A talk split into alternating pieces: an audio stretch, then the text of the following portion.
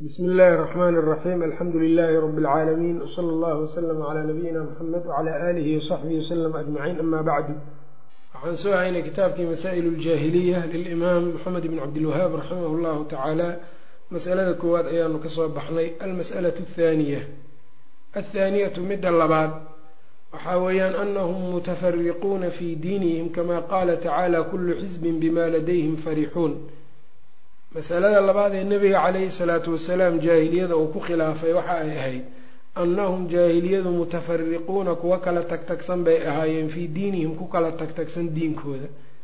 Jaahiliye marka aan leenahayna waxaa weeyaan waa wax allaale wixii rususha waxay la timid khilaafsan saa u fahma annahum mutafariquuna fii diinihim bay ku kala tagtagsanaayeen kamaa qaala tacaala siduu alla u yidhi kullu xisbin koox kasta bimaa ladayhim waxaa agteeda ahaatay bay farixuuna kuwa ku faraxsan ay yihiin ay kullu xisbin xisbi kastaa koox kastaa farixuuna kuwa faraxsan weeyaanoo ku faraxsan bimaa ladayhim agtooda waxa ahaaday ku faraxsan wakadalika sidaas sidaasoo kale fii dunyaahum adduunyadooda saasay ugu kala tagtagsanaayeen oo umuurahooda dunyawiga xataa kuma midaysnayn wayarawna waxay u arkayeen dalika kaagaasoo tafaruqa huwa sawaabu inuu yahay inuu sawaab yahay fa ataa nebiguna wuxuu la yimid bilijtimaaci in la ururo oo dadku ay yani ay mid noqdaan oy diin diinka ku midoobaan. Fa ataa waxa uu la yimid nabiga caleyhi salaatu wasalaam bilijtimaaci ijtimaac buu la yimid isu soo duman iyo isu imaatin iyo in mid la noqdo ayuu la yimid fi diini diinka lagu kulansanaado biqowlihi tacaala alla qowlkiisa ayuu la yimid sharaca lakum min addiini sharaca lakum waxa uu idiin jideeyey alla min addiini diinka xaggiisa wuxuu idinkaga jideeyey maa wixii wasaa bihi oo kula dardaarmay nuuxan nuux iyo waladii kii owxaynaa la waxyooday aanu waxyoonnay ilayka adiga aanu kuu waxyoonnay iyo wamaa kii wasaynaa aanu u waxyoonnay bihi isaga ibraahiima ibraahim wa muusa aanu u dardaaranay wa ciise aanu u dardaaranay muxuu ahaa kaasi midka adiga lagu waxyooday iyo kan iyaga loo dardaarmay muxuu ahaa an aqiimuu ooga addiina diinka ooga walaa tatafaraquu ha kala teginina fiihi diinka ha ku kala teginina ayb wa qaala waxa uu yidhi wa qaala tacaala alla waxa uu yidhi ina aladiina kuwa faraquu yacni kala geeyey diinahum diinkooda wa kaanuu ahaaday shiican kooxa kooxo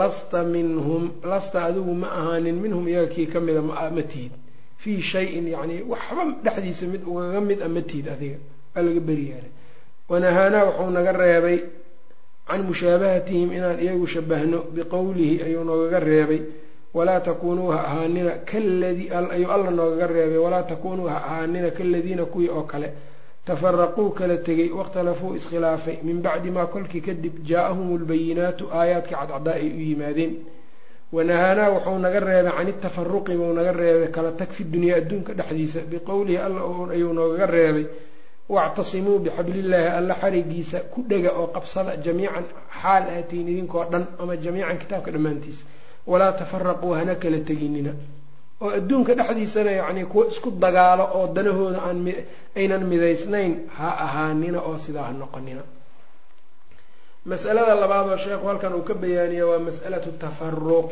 weeyaan masaladaa iyadana marka waxaa weeyaan aada iyo aad buu sharciga yacni ugaga digay sharciga ilaahi allah subxaana shaarica ugaga digay allana waa ka digay nebigana waa ka digay sala allahu alayh waalihi wasalam allah subxaana watacaala waa ka dhahaya wactasimuu bixabli illahi jamiica walaa tafaraquu min aladiina faraquu diinahum wakanuu shiyaca kulu xizbin bima ladayhim farixuun ina aladiina faraquu diinahum wakanuu shiyacan lasta minhum fi shay.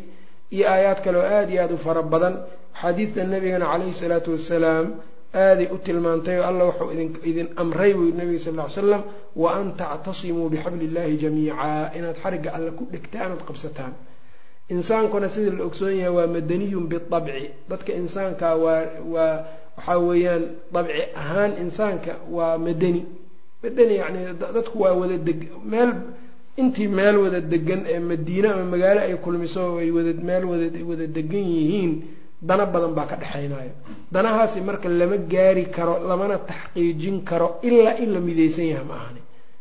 Yani marka midnimada waxaa faray alle waxaa faray rasuulka caleyhi salaatu wasalaam waxaa faray kitaabkii baa faray waxaan ujeeda caqliga saliimka iyo fitraduna sidaas in la eg bay u farayaan. Allana subxaana nabigana calayhi salaatu wasalaam aada iyo aada bou saa iyo sidaas oo kale ayuu noogu tirtirsiiyey sidaasi la eg waxaa aada iyo aada kaga warramay a'imada islaamkana waa bayaaniyeen oo way noo bayaaniyeen arrintaa muhiimadda ay leedahay. Naam. Oo waxba waxaad ku arkaysaa alimaam ibnu daqiilciid raximah llahu tacaala kitaabkiisa la yidhaahdo ixkaamu laxkaamka waa kaga hadlo waxa uu yihi markuu xadiidkii fasirayay ahaa aakhir kitaabi zaka meelaha yani ku jiray mualafat lquluubka markuu nebiga wax badan u badiyey oo ansaarta arrinta iyada ay ka caroodeen dardaarankii uu nebiga kula dardaarmay sal lla ly slam waxa uu ahaa waxau marka alam ajidkum dulaalan nebigu marka waa kii yidhi miyaanan idin helin idinkoo baadiyeysan fahadaakum allahu bi. Wa kuntum mutafariqiina faallafakum allahu bi. Wacaalatan faaqnaakum allahu bi. Xadiidkaabaa marka ibnu daqiiq waxa uu yihi cumdatulaxkaamka sharxiisa uu ku yidhi wa hada dalaalu lmushaaru ilayhi dalaalu lishraaki walkufri waalkufri baadida nebigu uu tilmaamayo waa shirkiga baadidiisa iyo gaalnimada baadideeda waalhidaayatu biliimaani hidaayaduna iimaankay hidaayaduna iimaankii bay ku timid hidaayaduna waa iimaankii walaa shaka ana nicmat walaa shaka ana nicmata aliimaani acdamu nicami shaki kuma jira nicmada iimaanku inay nicamku ugu weyn tahay bixaysu laa yuwaasiiha shayun min umuuri dunyaa wax u dhigmaa ma jiro oo umuuraha adduunyada ka mid a huma atbaca dalika wuxuu raaciyey nabiga calayhi salaatu wasalaam binicmati alulfati midnimada iyo wadajirka nicmadiisa ayuu raaciyey oo waxa uu yidhi wakuntum mutafariqiina faallafakum allahu bi sidaa buu yacni yidhi uma atbaca dalika binicmati alulfati wa hiya acdamu min nicmati alamwaal nicmada midnimada waa ka weyn tahay nicmada maalka way ka weyn tahay. Nacam id tubdalu lamwaalu fii taxsiiliha maxaa yeele maalkaaba la bixiyaa si loo helo midnimo loo helo. Ayb. Sheikhulislaam ibnu taymiya ahmiyadda isagoo ka hadlaya arrinta ay leedahay juska sideed iyo labaatanaad safxada kow iyo konton konton iyo koowaad waxa uu yidhi wataclamuuna ana min alqawaacidi alcadiimati waxaad ogtihiin buu yihi qawaacidda waaweyn alatii hiya min jimaaci ddiini oo diinka waxa uu ku ururaayo ka mida waxaa weeyaan ta'liifu lquluubi waijtimaacu lkalima quluubtu inay isku dumanto kelmaddu inay mid tahay wa salaaxu daati lbeyn iyo dadku xiriirka ka dhexeeya inuu hagaagsan yahay. Fa ina allaha tacaala yaquulu alla wuxuu leeyahay fattaquu llaha wa daata baynikum. Marka qawaacidda waaweyn ee islaamkaay ku jirtaa yacni taalufka iyo yani iyo sidoo kale ijtimaaca. Midnimada waxaa weyan marka laba dhinac buu sheekhan sheekh maxamed ibn cabdilwahaabn oo u tilmaamay dhinac waxay tahay diinkooday ku kala tagsanaayeen oo diinkooda inay ku kala tagsanaayeen nabigana waa noo tilmaamay sala allahu alayh ali wasalam waxa uu yidhi iftaraqat alyahuudu calaa ixdaa wa sabciina firqa. Yahuud toddobaatan iyo kow koox ayay diinkooda ugu kala baxday. Kulluhaa fi nnaari ilaa waaxida.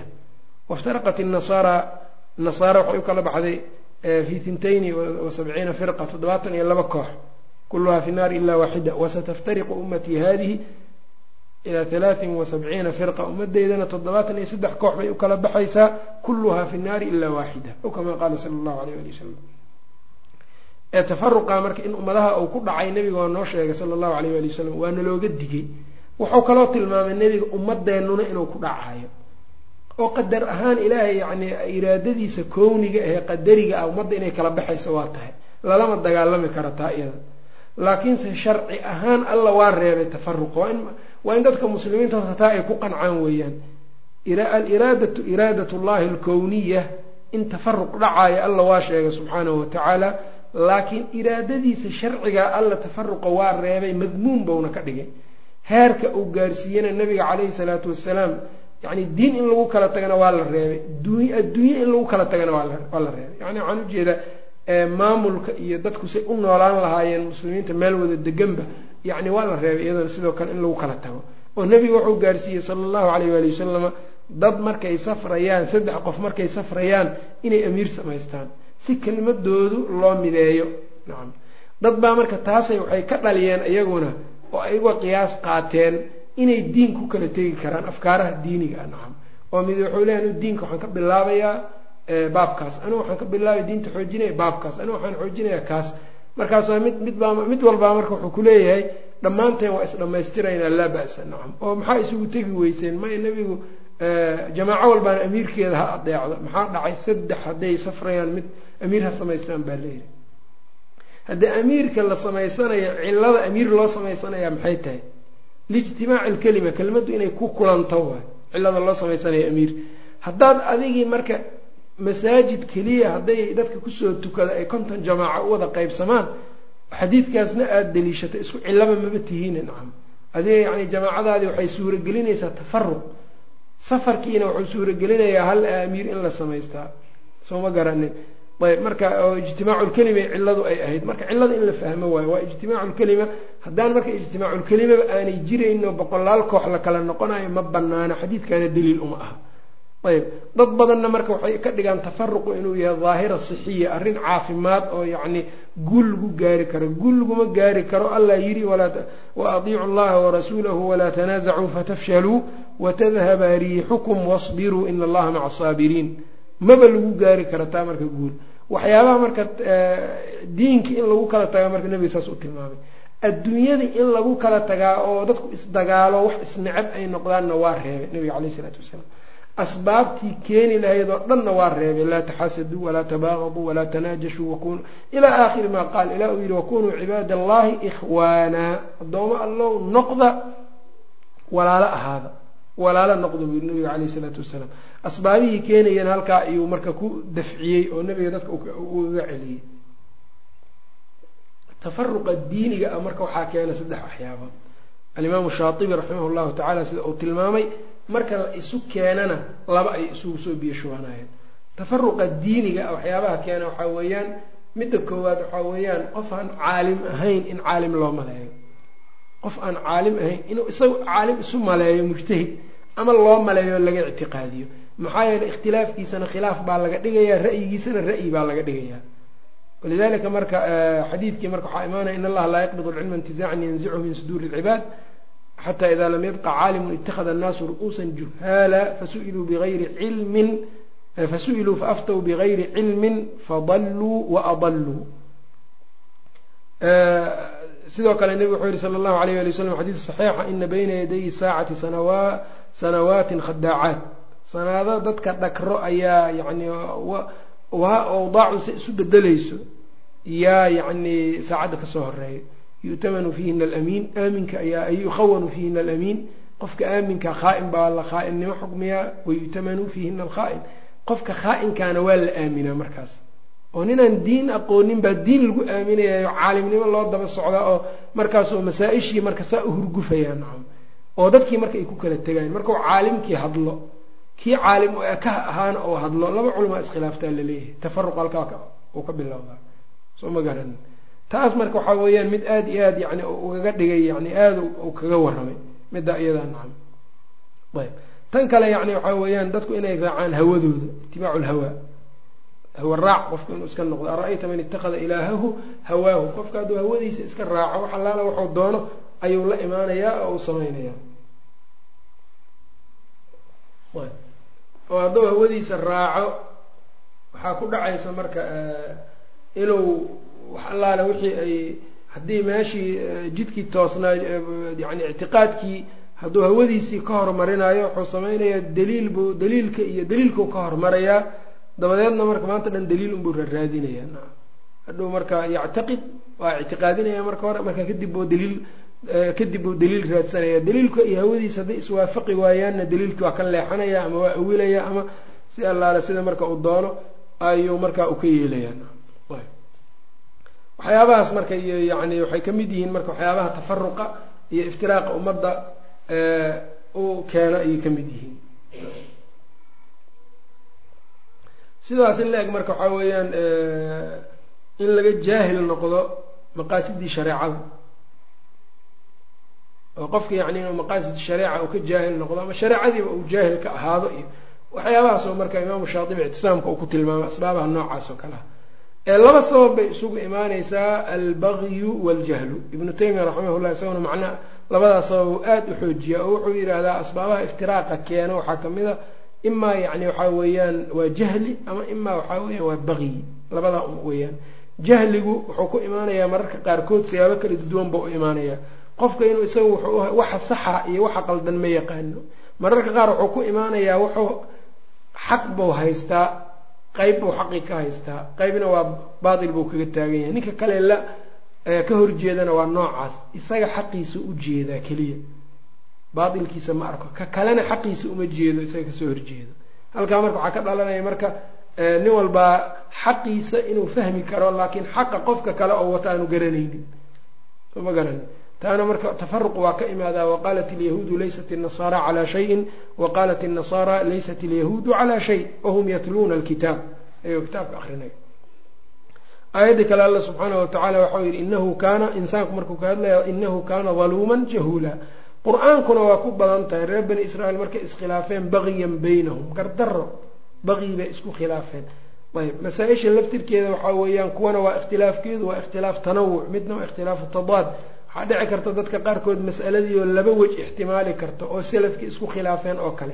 Khilaafku uu muxtamal yahay inuu ka dhigo shicaaru lfurqa masaladaasoo kale inuu ka dhigo ee uu dad ku dulmiyo marka. Iyaduna waa nooc baqyiga ka mida qawaacidu nuuraaniyaha iyo meelo lamida iyo isaguna saasoo kale uu kaga warramaa waxaa ka mid a waxyaabaha sabab tafaruqa keeno diinkii in qeyb looga dhaqmo qeybna laga tago ayaa ka mid a oo alla subxaanahu watacala waxau yihi wamin aladiina qaluu ina nasaara akhadnaa miihaaqahum fanasuu xada mima dukiruu bih faaqraynaa baynahum alcadaawata walbagda'a ilaa ywmi alqiyaama sidaasuu yihi nasaaro waxa in ay isu caroodaan oo ay isnacaan waxyaabaha sababay nasaarada wuxuu ku tilmaamay nabiga wuxuu ku tilmaamay allah subxaanahu watacaala in ay tahay diinkii oo ay qeyb ka tageen qeybna ay kaga dhaqmeen diinkii ilaahi subxaanahu watacaala oo ay qeyb kaga dhaqmeen qeybna ay ka tageen.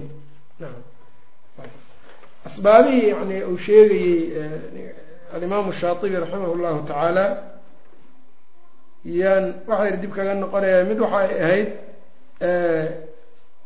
waa qof aan caalim ahayno marka ayb asbaabo iyo calaamaad buu ayuu sheegay asbaabo iyo calaamaad ayuu tilmaamay.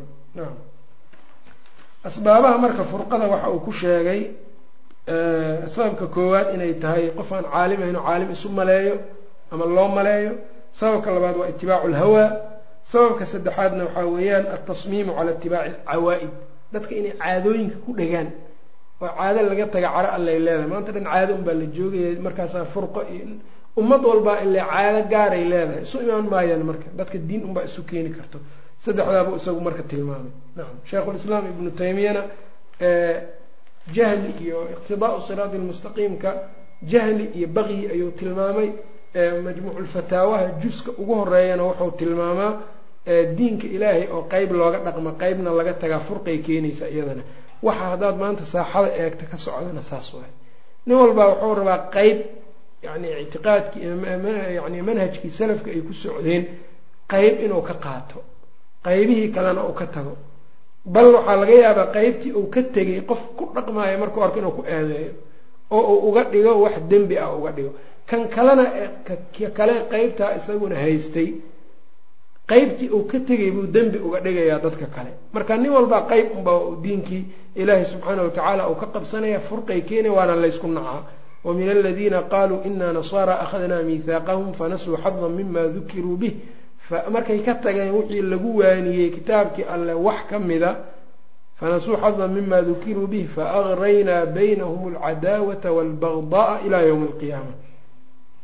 Asbaabaha marka iyaga waxaa weeyaan way sababaan oo waa keenaan. Nacam tan marka qofku marka isku soo duduub asbaabahaas inuu ka fogaado weeyaan diin ahaanna tafaruqa waa waa u xaaraam.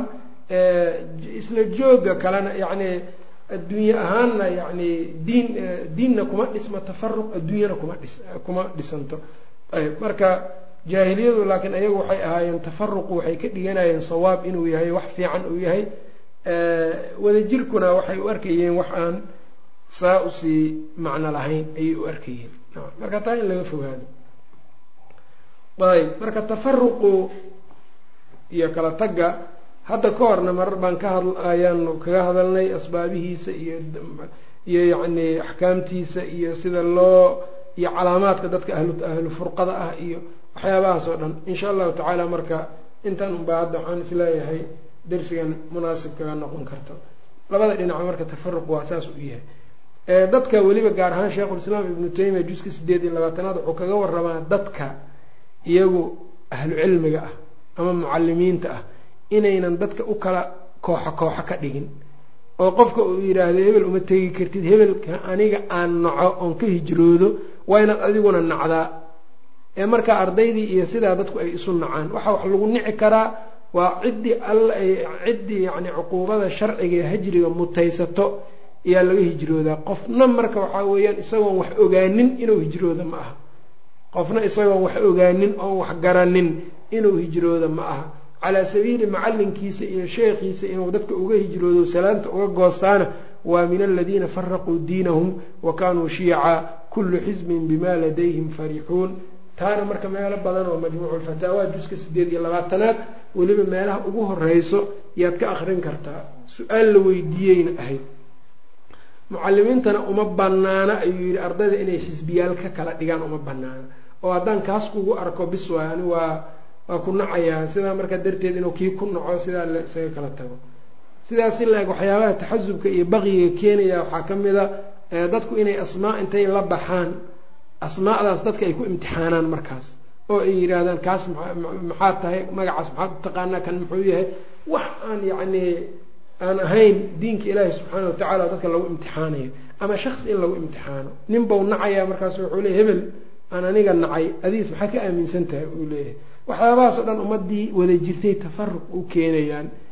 Bal waxaa laga yaabaa de shaksiga qofka ahlu cilmiga qof uu is leeyahay bidcow ku dhex jiraa ninkan ardayga ee mubtadi-a ahee bilowga ana inuu ku fidnoobaa laga yaabaa naseexo ahaan inta ugu tagto warni anuu saasaan kugu naseexeynaya way bannaan tahay arrintaas.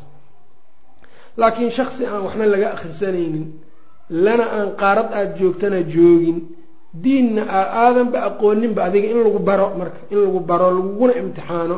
Taa waxaa weya waxyaabaha tafaruqa sababa ayay ka mid tahay. Culammadii hore selafkana waxay dhihi jireen alimtixaanu bidca ama waxay dhihi jireen alimtixaanu diinu lkhawaarij dadka in dad lagu imtixaana waa diinu lkhawaarij weeyaan. Allaahuma ashyaa yani allaahuma yacni ashkhaas mucayan oo diinka de imaamo ka gaaray oo la leeyahay maalan qofkaas hadaad yani haddaad aragtaan hebel nin tuhmaya haddaad aragtaan ama wax ka sheegaya fatahimu calaa diini diinkiisa tuhun iyo waa ashkhaas jaawazu lqandara nacam laakiin dad aan adduunkana hadda aan mu'alafaadna ku wax hadda arday waaweyn oy soo saareen iyo fataawo caalamka dhan kala gaartay aan lahayn in ummadda imtixaan joogta un looga dhigo waxaa weeyaan waa arrin tafaruqa sababto tafaruqa masaa-ishii kale salafku isku khilaafeenna ay raajix iyo marjuux kale leh in iyadana laga dhiga calaamo ama shicaaru tafaruq waa iyaduna waxaa weeyaan oo waa tafaruqa waxyaabaha keenayay ka mid tahay. Waxaasoo dhan marka asbaabul jahli iyo baqyi labadaa unbay isugu soo biyo shubanayaan. Marka anahum iyagu athaaniyatu masalada labaad anahum iyagu mutafariquuna fii diinihim.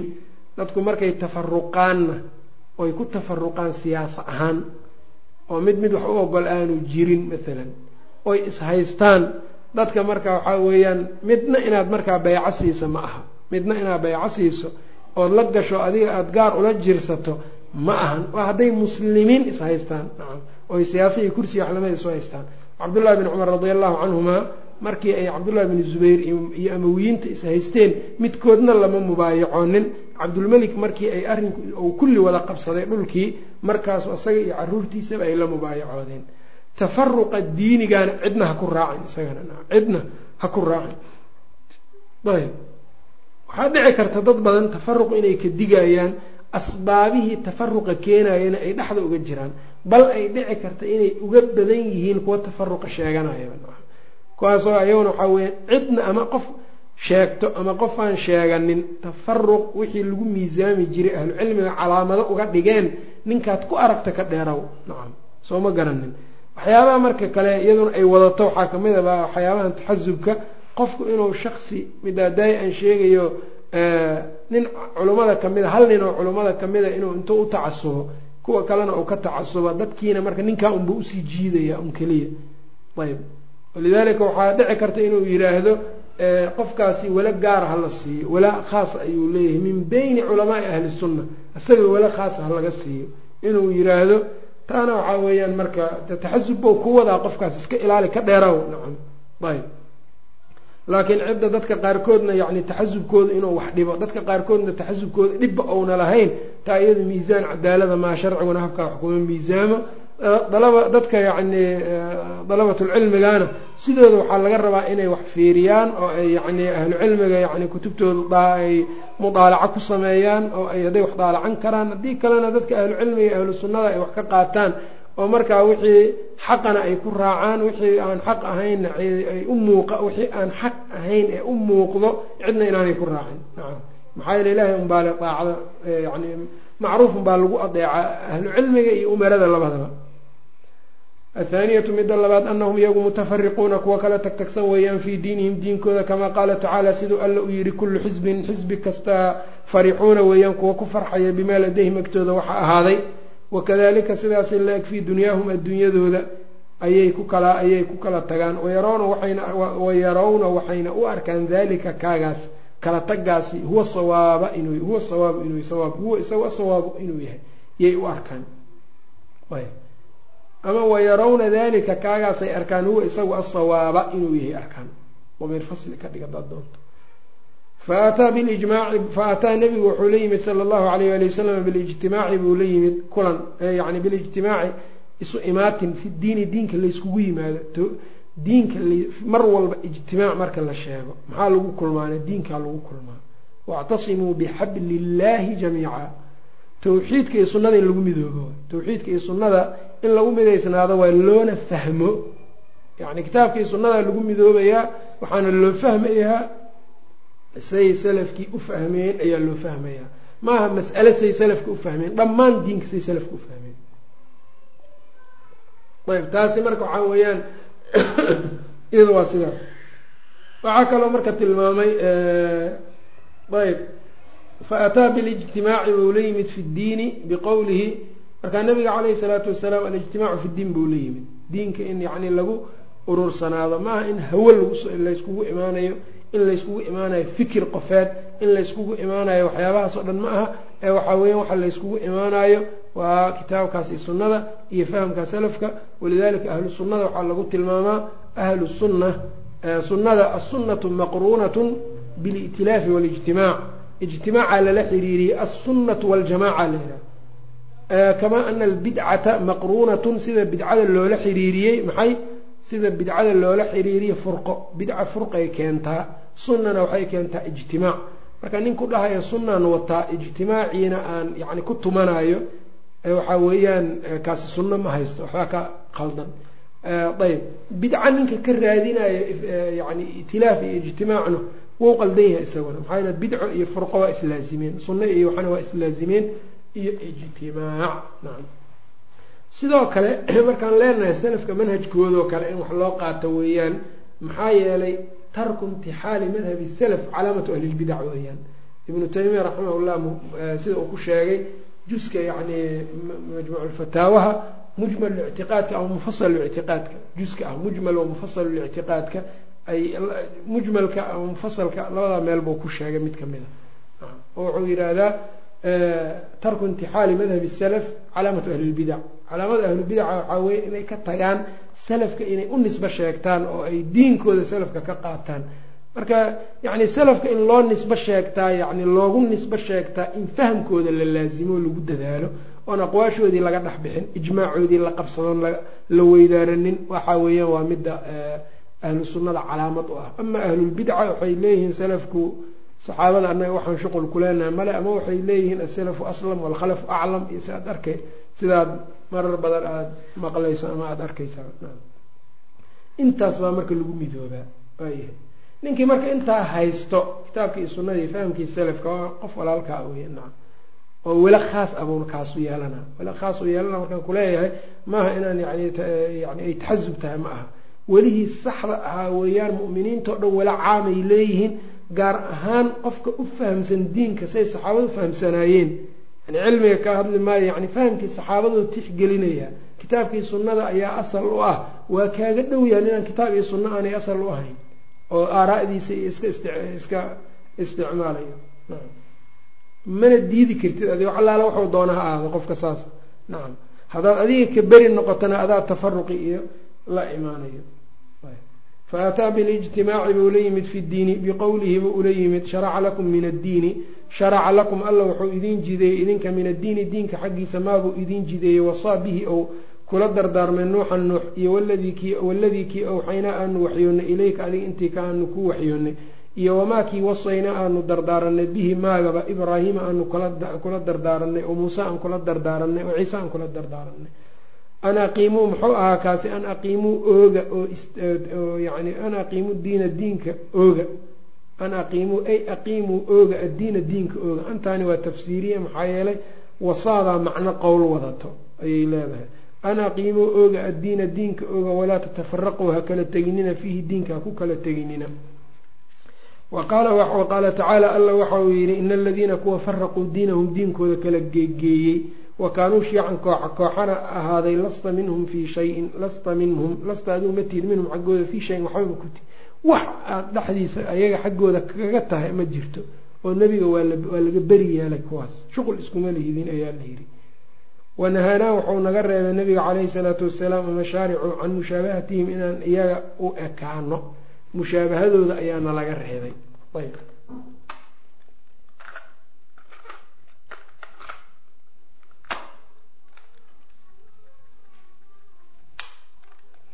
wanahaa wuxuu naga reebay can mushaabahatihim iyaga shabahaadooda ayuu naga reebay. Waayahay.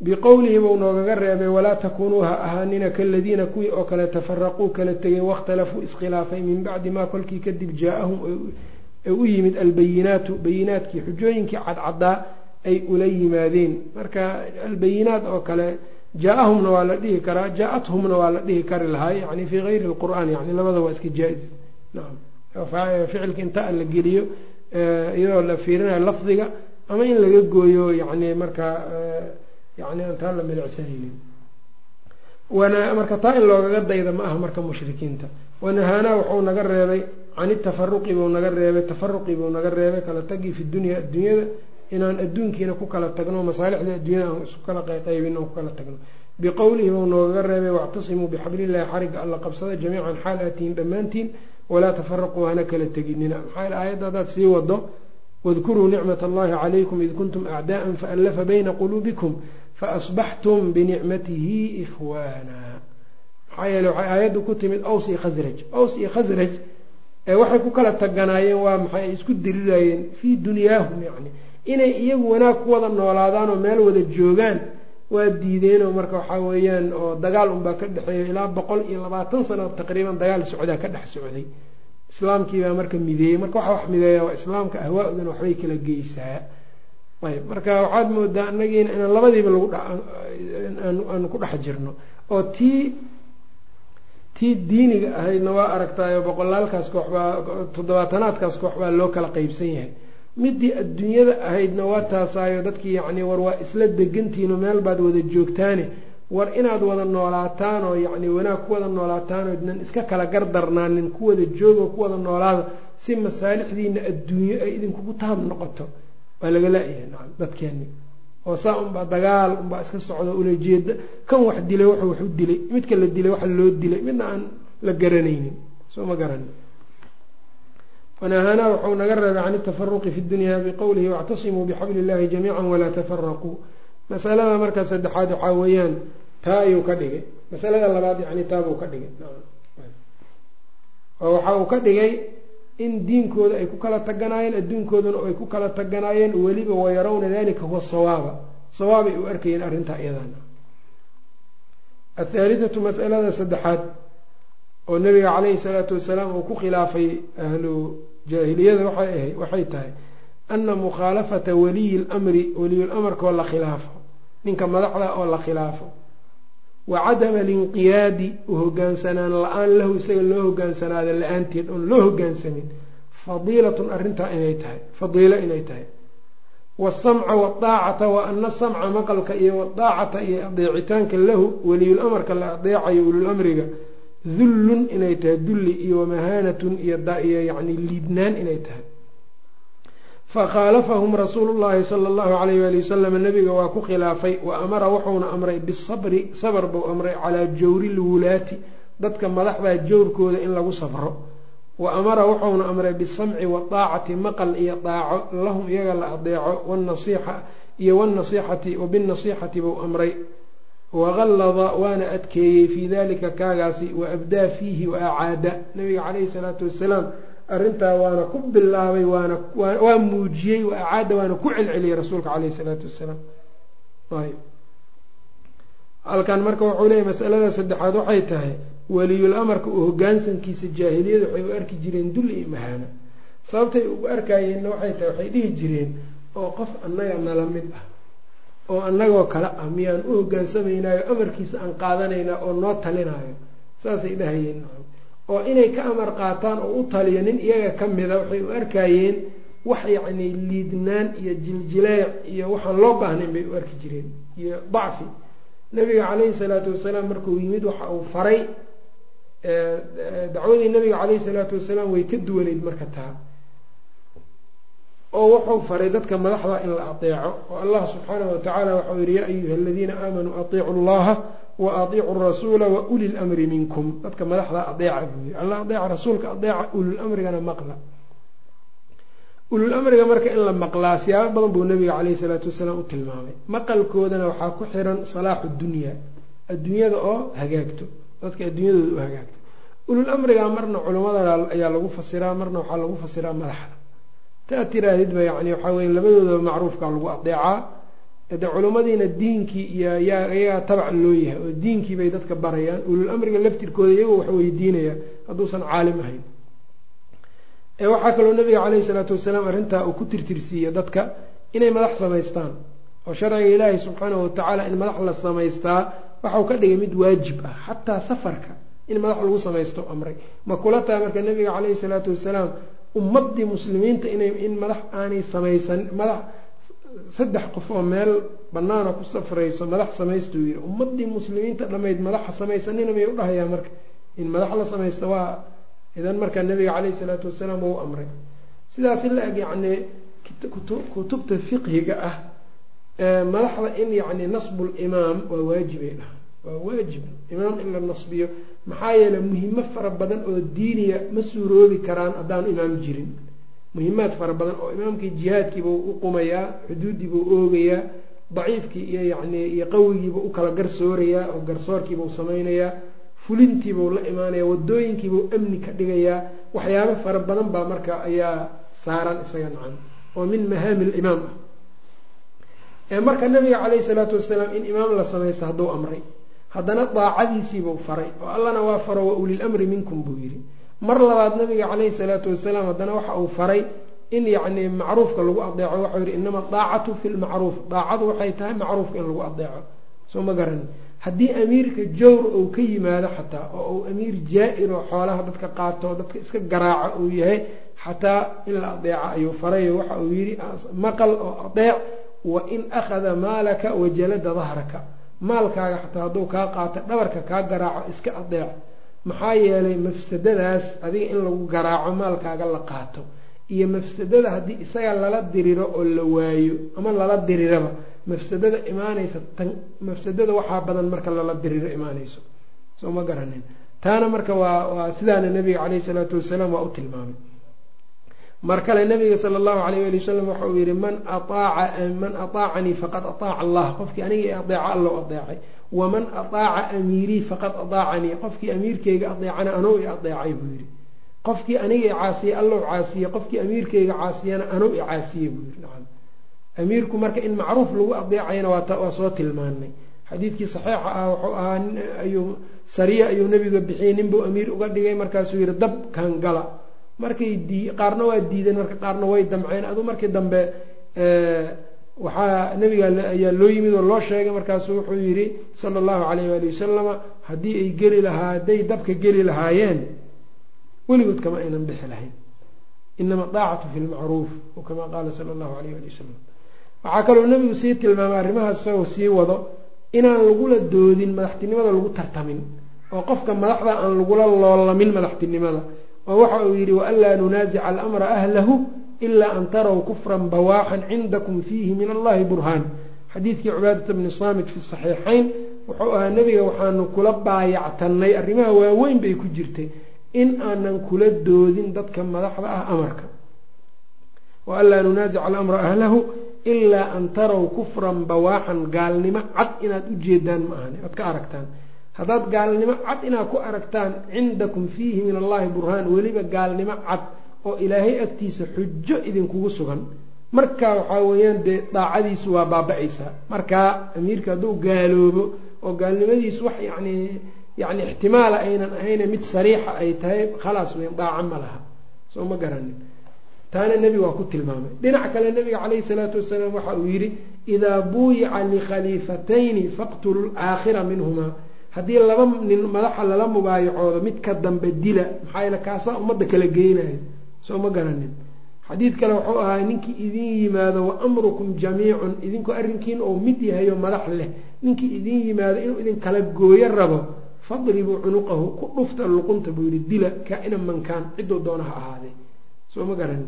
Waxaaso dhan marka maxay tusayaan arrimahan arrimo culus inay yihiin. Ayb oo jabhadeynta iyo khuruujka madaxda lagu baxaa iyo inaan madax la'aan in layska noolaadaa iyo inay aada iyo aada u xun tahay. Haddii nebigu uu safarka sidaa yidhi ummad dhanka waran marka dowlad la'aan ama yani maamul la'aan iska joogta iyada. Bal dadka qaarkood waxaa dhici karta dad diin u nisbo sheegana inay leeyihiin saatan baaba fiican banaan oo wax la'aantaaba fiican inay leeyihiin. Iyagoo dhibsanaya amarka iyo amarka iyo nahyiga ka imaanaya ninka amiirkay diidayaan nacam. Ayb markaan sidaa leenahana waxaan ujeednaa marka waxaa weeyaan amiir muslima. Ee amiir yacni isagu markaa gaalnimo cad ku dhacay ama yacni uma jeedno yani markaa kaasoo kale yani in la adeeco uma jeedno. Amiirka nasbintiisana ahluxalli walcaqdiga ayaa nasbiya. Culimada iyo dadka odayaalka qabaa-ilka ayaa amiir muslimiinta meesha la joogo dadka muslimiinta amiir ayaga ayaa u soo saaray. Ayagaa laga rabaa amase amiirka yacni ka horeeyey markuu dhimanayo kale hadduu yihahdo adaan kugu wareejiye xilkii waa guntan maysaa ama xoog boobu ku qabsadayba xoog ayuu ku qabsaday dadkiibuu muquuniyey. Khalaas marka arrinkiibaa isaga gacanta u soo galay. Waa la adeecayaa nacam ayb. Laakiin haddii amiirku ay gaalo u samayso dadka oo ay ummaddii iyadoo yacni iska islaamnimadeeda ku jirto oo amiir haysato maalan haddii qasab lagu kor keeno gaalada intay soo dul degtay mid ku kor keento xoog ay ku keento yani taqallub uu ku qabsada la dhihi maayo nacam kaas taqallub kuma qabsana aka bal beledkiibaa wuxuu noqonayaa beled la haysto muxtal aba nacam beledkii markaa wuxuu isku bedelayaa ardun muxtalla ayuu isku bedelayaa. Marka taa in masalada iyadana la fahmo weeyaan. Dadka madaxda marka la leeyahay hala adeeco dadka daraf annaasu fiiha darafaani wa wasat. Daraf waxaa weeyaan in madax la adeecaa wuxuu u arkaaba qalad inay tahay nacam oo wuxuu ku leeyahay jawrkoodu intuu kaaga sheekeeyo wuxuu kule see loo adeecayaa kaas. Nebigiina wuxuu leeyahay wain akhada maalaka wajlada dahraka.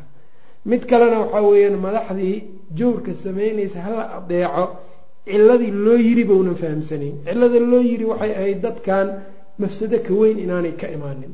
Ay ahayd intaasay ahayd. Ee maaha in jawrkooda la buunbuuniyo lagu ammaano ma aha. Markaas jawrkoodiibuu ku ammaanayaa qaarna. Oo yacni ninkii madaxda ah jawrka uu sameynayo ku ammaanayaaba ma fiicna iyadana taa nacam. Ayb. Jawrkooda marka see la yeela looga naseexeynaya ahlucilmiga inay u tagaana la rabaa.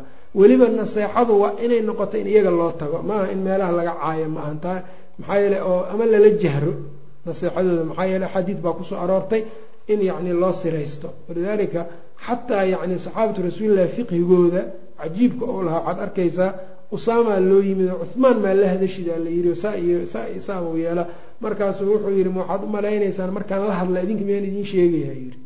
Waa u naseexeeyey fii maa beynii wa beynahu saxaabada marka hadday naseexo rabaan amiirka intay u galaan bay u naseexeyn jireen. Mimber laga yacni maanta dhan laga sheekeeyo un amiir isagiina ummadda uu baabi'iyo taasi ma ahan diin ilaahi subxaanahu watacaala dadka marka labadaa daraf iyo wasadka abaa la joogo kuwana yacni madaxdii waxay ka dhigeen badadan dembi lahayn oon dambaabin oo ayagu iska fiican ay ka dhigeen qoolkoodii iskaga dhiibteen oo intii nebiga waa kaga gaabsan waayeen qolana dhanka kaley la aaday nacam xaquna marka waxaa weya waa wasad wixii jawra ay ku jiraan inaan lagu taageerin looga naseexeeyo. Haddii aadan uga naseexeyn karinna ha ku taageerin adiga. Ummadda ha dhihin jawrkaasi ay ku fiican yihiin ha dhihin. Soo ma garan. Taa marka wasadku marka waxaa wey waa sida arrimahana sheikhulislaam ibnu taymiya raximahullah minhaaju sunnaha minhaaju sunnaha juska afaraad ayuu aada iyo aada ugaga waramaa halkaa ayaa loo raajacaya marka oo loogu laabanaya.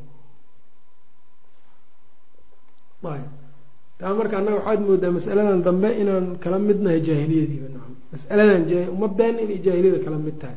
Oo in madax la samaysto in madax la adeeco mahaane iyo dulli bay u arkaanba. Nacam qof aniga ilafaca see namar uga qaadana mahaanay u arkaan laakiin taa maya. Ayb imaamada marka waxyaabahaasa marka ku jira masaalixda baa ku jirto sidaa darteed nabiga caleyhi salaatu wasalaam markuu ciidan diraayo isagoon amiir u samaynin maba diri jirinba nabiga caleyhi salaatu wasalaam. Wax isdhexyaac la yihaha marka ma jiro. Nacam haddii la dagaalamayo marka laabudda marka in waxaa weeyaan dadka dagaalamaya inay yani amiir leeyihiin ka dambeeyaan oo yacni u celin karo yani wixii heshiis geli karo dagaal haddii uu jirana looga dambeyn karo. Laakiin shanba meel lababa meel hadday tahay walaa tanaasacuu fatafshaluu watadhaba riixukum wasbiruu ina allaha maca asaabiriin ayaddaa baa marka imaanayso athaalithatu masalada saddexaad ana mukhaalafata waliyi lmri waliyulamrigoo la khilaafaa wa cadama linqiyaadi lahu inaan loo hogaansamin fadiilatun inay tahay arkayeen. Wasamca waaacata samciga iyo daacadana lahu isaga la maqlaa la adeecaana dullun wamahaanatun weyaan inay tahay. Dulli iyo yani dulli iyo yani iyo mahaano liidnaan ayay u arkayeen fakhaalafahum rasuulu llahi sala allahu alayh wali wasalam nabiga waa khilaafay. Wa amara bisabri sabr buu faray calaa jawri lwulaati dadka wulaada jawrkooda in lagu sabro xataa hadduu xabashi yahay madow. Ummadii carabtayda nebiga uu ka dhex hadlayay nin addoonoo madow oo xabashi abaa idin xukumo. Waa dhibaysa nacam xabashiga waxaan u jeedaa xabashi muslim oo madow baan u jeedaa nacam ayb oo uu yihi nabiga sala allahu alayh ali wasalama wain ta'amara calaykum cabdun xabashiyun ati xadiidkii cirbaad ibnu saari ah wain ta'amara calaykum cabdun riwaayadka qaar usiikum bitaqwa allahi wasamci waaaca waxaan idin amrayaa waxaan idin dardaarmaya alla kacabsi iyo maqal iyo daaco la maqlo la adeeco yani dadka madaxda idin ah wain ta'amara calaykum cabdun addoonba madaxa idin noqday? Addoon dabcan madax lagama dhiganayo.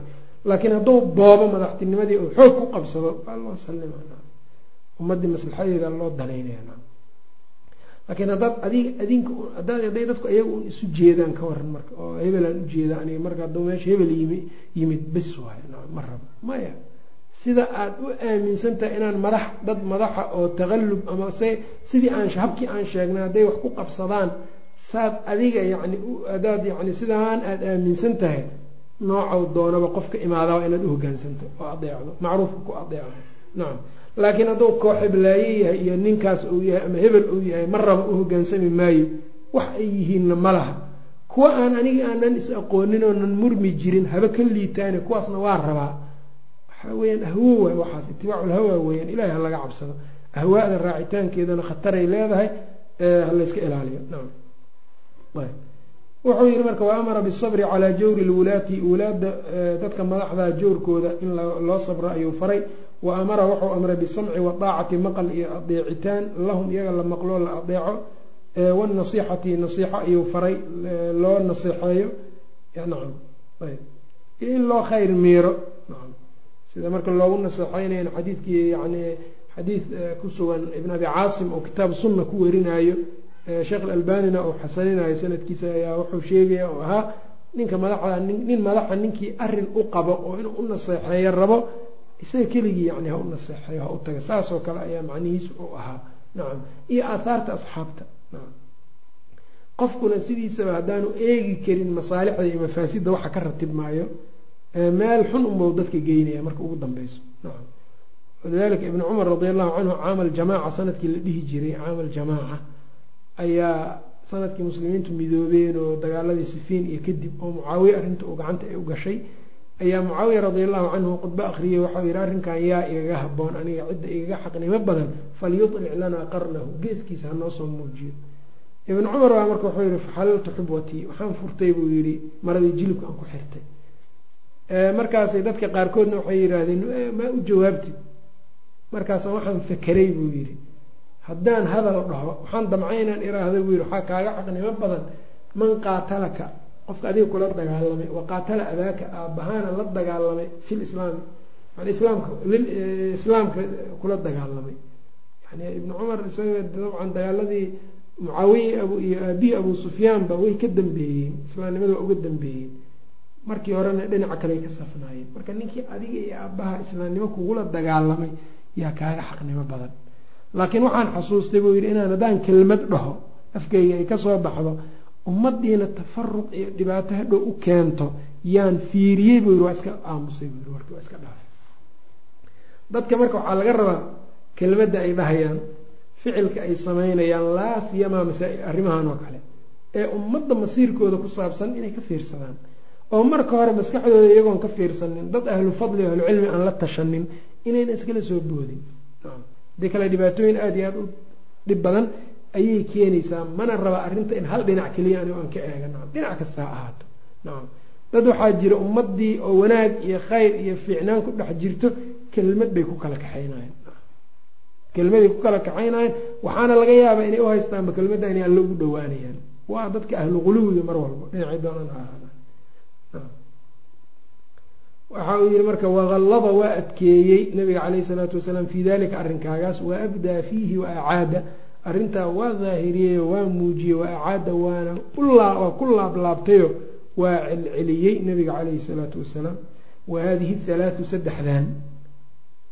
Hiya alatii waa midda jamaca baynahaa nabiga uu ku ururiyey fiimaa saxa canhu wixii ka ansaxay isaga fi saxiixi uga ansaxay saxiixa dhexdiisa annahu qaala inuu yidhi nacam saddexdanba hal xadiid buu ku ururiyo saxiixo saxiixa ku sugan oo waxau yidhi ina allaha yardaa lakum halaatha alla wuxuu raalli idinkaga noqonayaa saddex an tacbuduuhu inaa caabudaan walaa tushrikuu bihi shay-an cibaadadana aydnan cid kale la wadaajinin waxba ugu darin wa an tactasimuu inaad ku dhegtaan bixablillaahi alla xarigiisa inaad ku dhegtaan jamiican idinkoo dhan walaa tafaraquu aydnan kala tegin ayb wa an tunaasixuu inaad u khayr miirtaan ood u naseexaysaan oo daacad u noqotaan man man wallaahu amrakum dadkuu alla arrinkiina u dhiibay. Alla dadkuu arrinkiina u dhiibay inaad u naseexaysaan oo daacad inaad u noqotaan yani khayr iyo wanaag kula joogtaan. Walam y saddexdaa marka soo uma aragta halka xadiid buu ku jamciyey nabiga caleyhi isalaatu wasalaam oo culammada waxay dhahaan mar nabiga dardaarankiisii xadiidkii cirbaad ibni saariyana waxau ahay asxaabta uu kula dardaarmay uusiikum bitaqwa allaahi waasamci waadaaca taqwada allana adduuniya aakhira sacaadadeedaa ku xiran. Asamcu wadaacana waxaa ku xiran sacaadatu waxaa ku xiran yani nolosha dadka. Noloshii dadka ay inay wanaagsanaato iyaa ku xiran. Walam yaqac khalalun khalal ma dhicin. Fii diini nnaasi dadka diinkooda dhexdiisa yani wa dunyaahum iyo adduunyadooda ilaa bisababi likhlaali in khalad ilaa bisababi likhlaali in la dhimo mooyaane. Bi hadihi halaati saddexdan in la dhimo o amase bacdihaa qaarkeed la dhimo. Wuxuu ku leeya marka khalal yani dadka diintooda adduunyadooda yani waxyaabo khalala sooma gaaraan. Ilaa waxay ku soo gaaraan in khalal lagu sameeyo saddexdan ama qaarkood lagu sameeyo. Ninkii saddexdan khalal ku sameeyaa de adduunkiisa iyo diinkiisay ka go-an tahay ninkii saddexdan la yimaadana adduunkiisa iyo diinkiisiiba u wanaagsanaanayo qeyb ninkii ka tagana qeybta uu ka tegay waa dhibkiisu la ekaanaya soo ma garanin. Ummaddu marka hadday tawxiidka ku dadaasho xaqa alle ay la timaado dadka madaxda waa ay u naseexayso midnimadooduna ay ilaaliyaan adduunkoodana waa wanaagsanaanaya diinkoodana waa wanaagsanaanaya waa wax mujarab ah oo la jaribay waay. Nacam ummaddu hadday laakiin midnimada ka tagto tawxiidba ha haysato hadday doontee hadday midnimadii ka tagto madaxna aynan yeelanin. Dhibaato adduunyaa iyadana asiibayso ku dhacayso.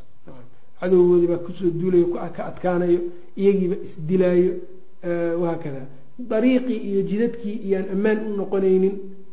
Ayb hadday is yiraahdaan tawxiidkii ka taga xaqi alla ka taga oo shirki iyo khuraafaad haddii diin laga dhigto intaasna ku midooba hadday is yiraahdaan waxaa weeyaan iyadana musiibo aakhira ku dhac. Diinkoodiibaa musiibo ka haysanaysaa. Musiibada diinigana wax walbaa waa ka weyntaan soo ma garan.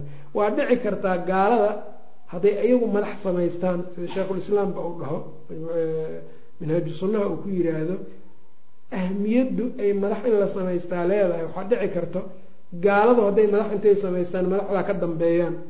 Dariiqyada inay ammaan u noqdaan isla yani masaalix un inay qabaan oo yani dariiqyadana ammaan looga dhigo wax ayagu ay cadaalad u yaqaanaan markaasna dadka ninka qawiga uusan cuni karin ninka daciifka ah oo kale iyo yaa dhici karta inay adduunyadooda xoogaa inay u ayaan u joogto way dhici kartaa haddii laakiin dowlad muslimada cadaaladda ay ka tagto waxaa weye waa baaba-aysa.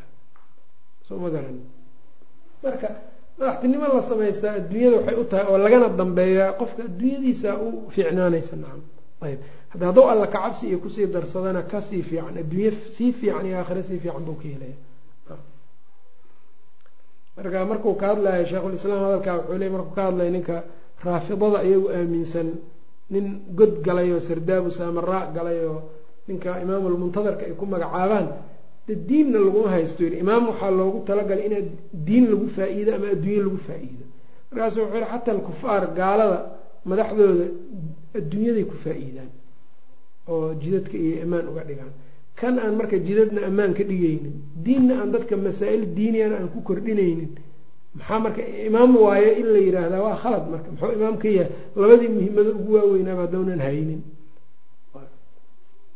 Walam yaqac khalalun khalal ma dhaco ma dhicin fii diininaasi dadka diinkooda iyo wadunyaahum adduunyadooda ilaa bisababi likhlaali inay iyagu markaa khalal soo dhexgeliyaan bi hadihi halaati saddexdan ow bacdiha ama qaarkeed ay soo dhexgeliyaan mooyaane marka kitaab sidoo kale markuu ka hadlayo khuruujka iyo madaxda lagu baxoon la adeecin iyo juska afraad minhaaju sunnaha sheikhulislaam ibnu taymiya wuxuu yihahdaa dad waxaa jiray salafkii ka mid ahaa oo ayagu ijtihaad ku ijtihaaday inay dad madaxa ku baxaan dadkaabuu soo tiriyey laakiin wuxuu yihi khiyaaru salaf weligood khuruujka waa radi jireen dadkii salafka ugu waaweynaa badankood u akhyaarsanaa way diidi jireen in madaxda lagu baxo.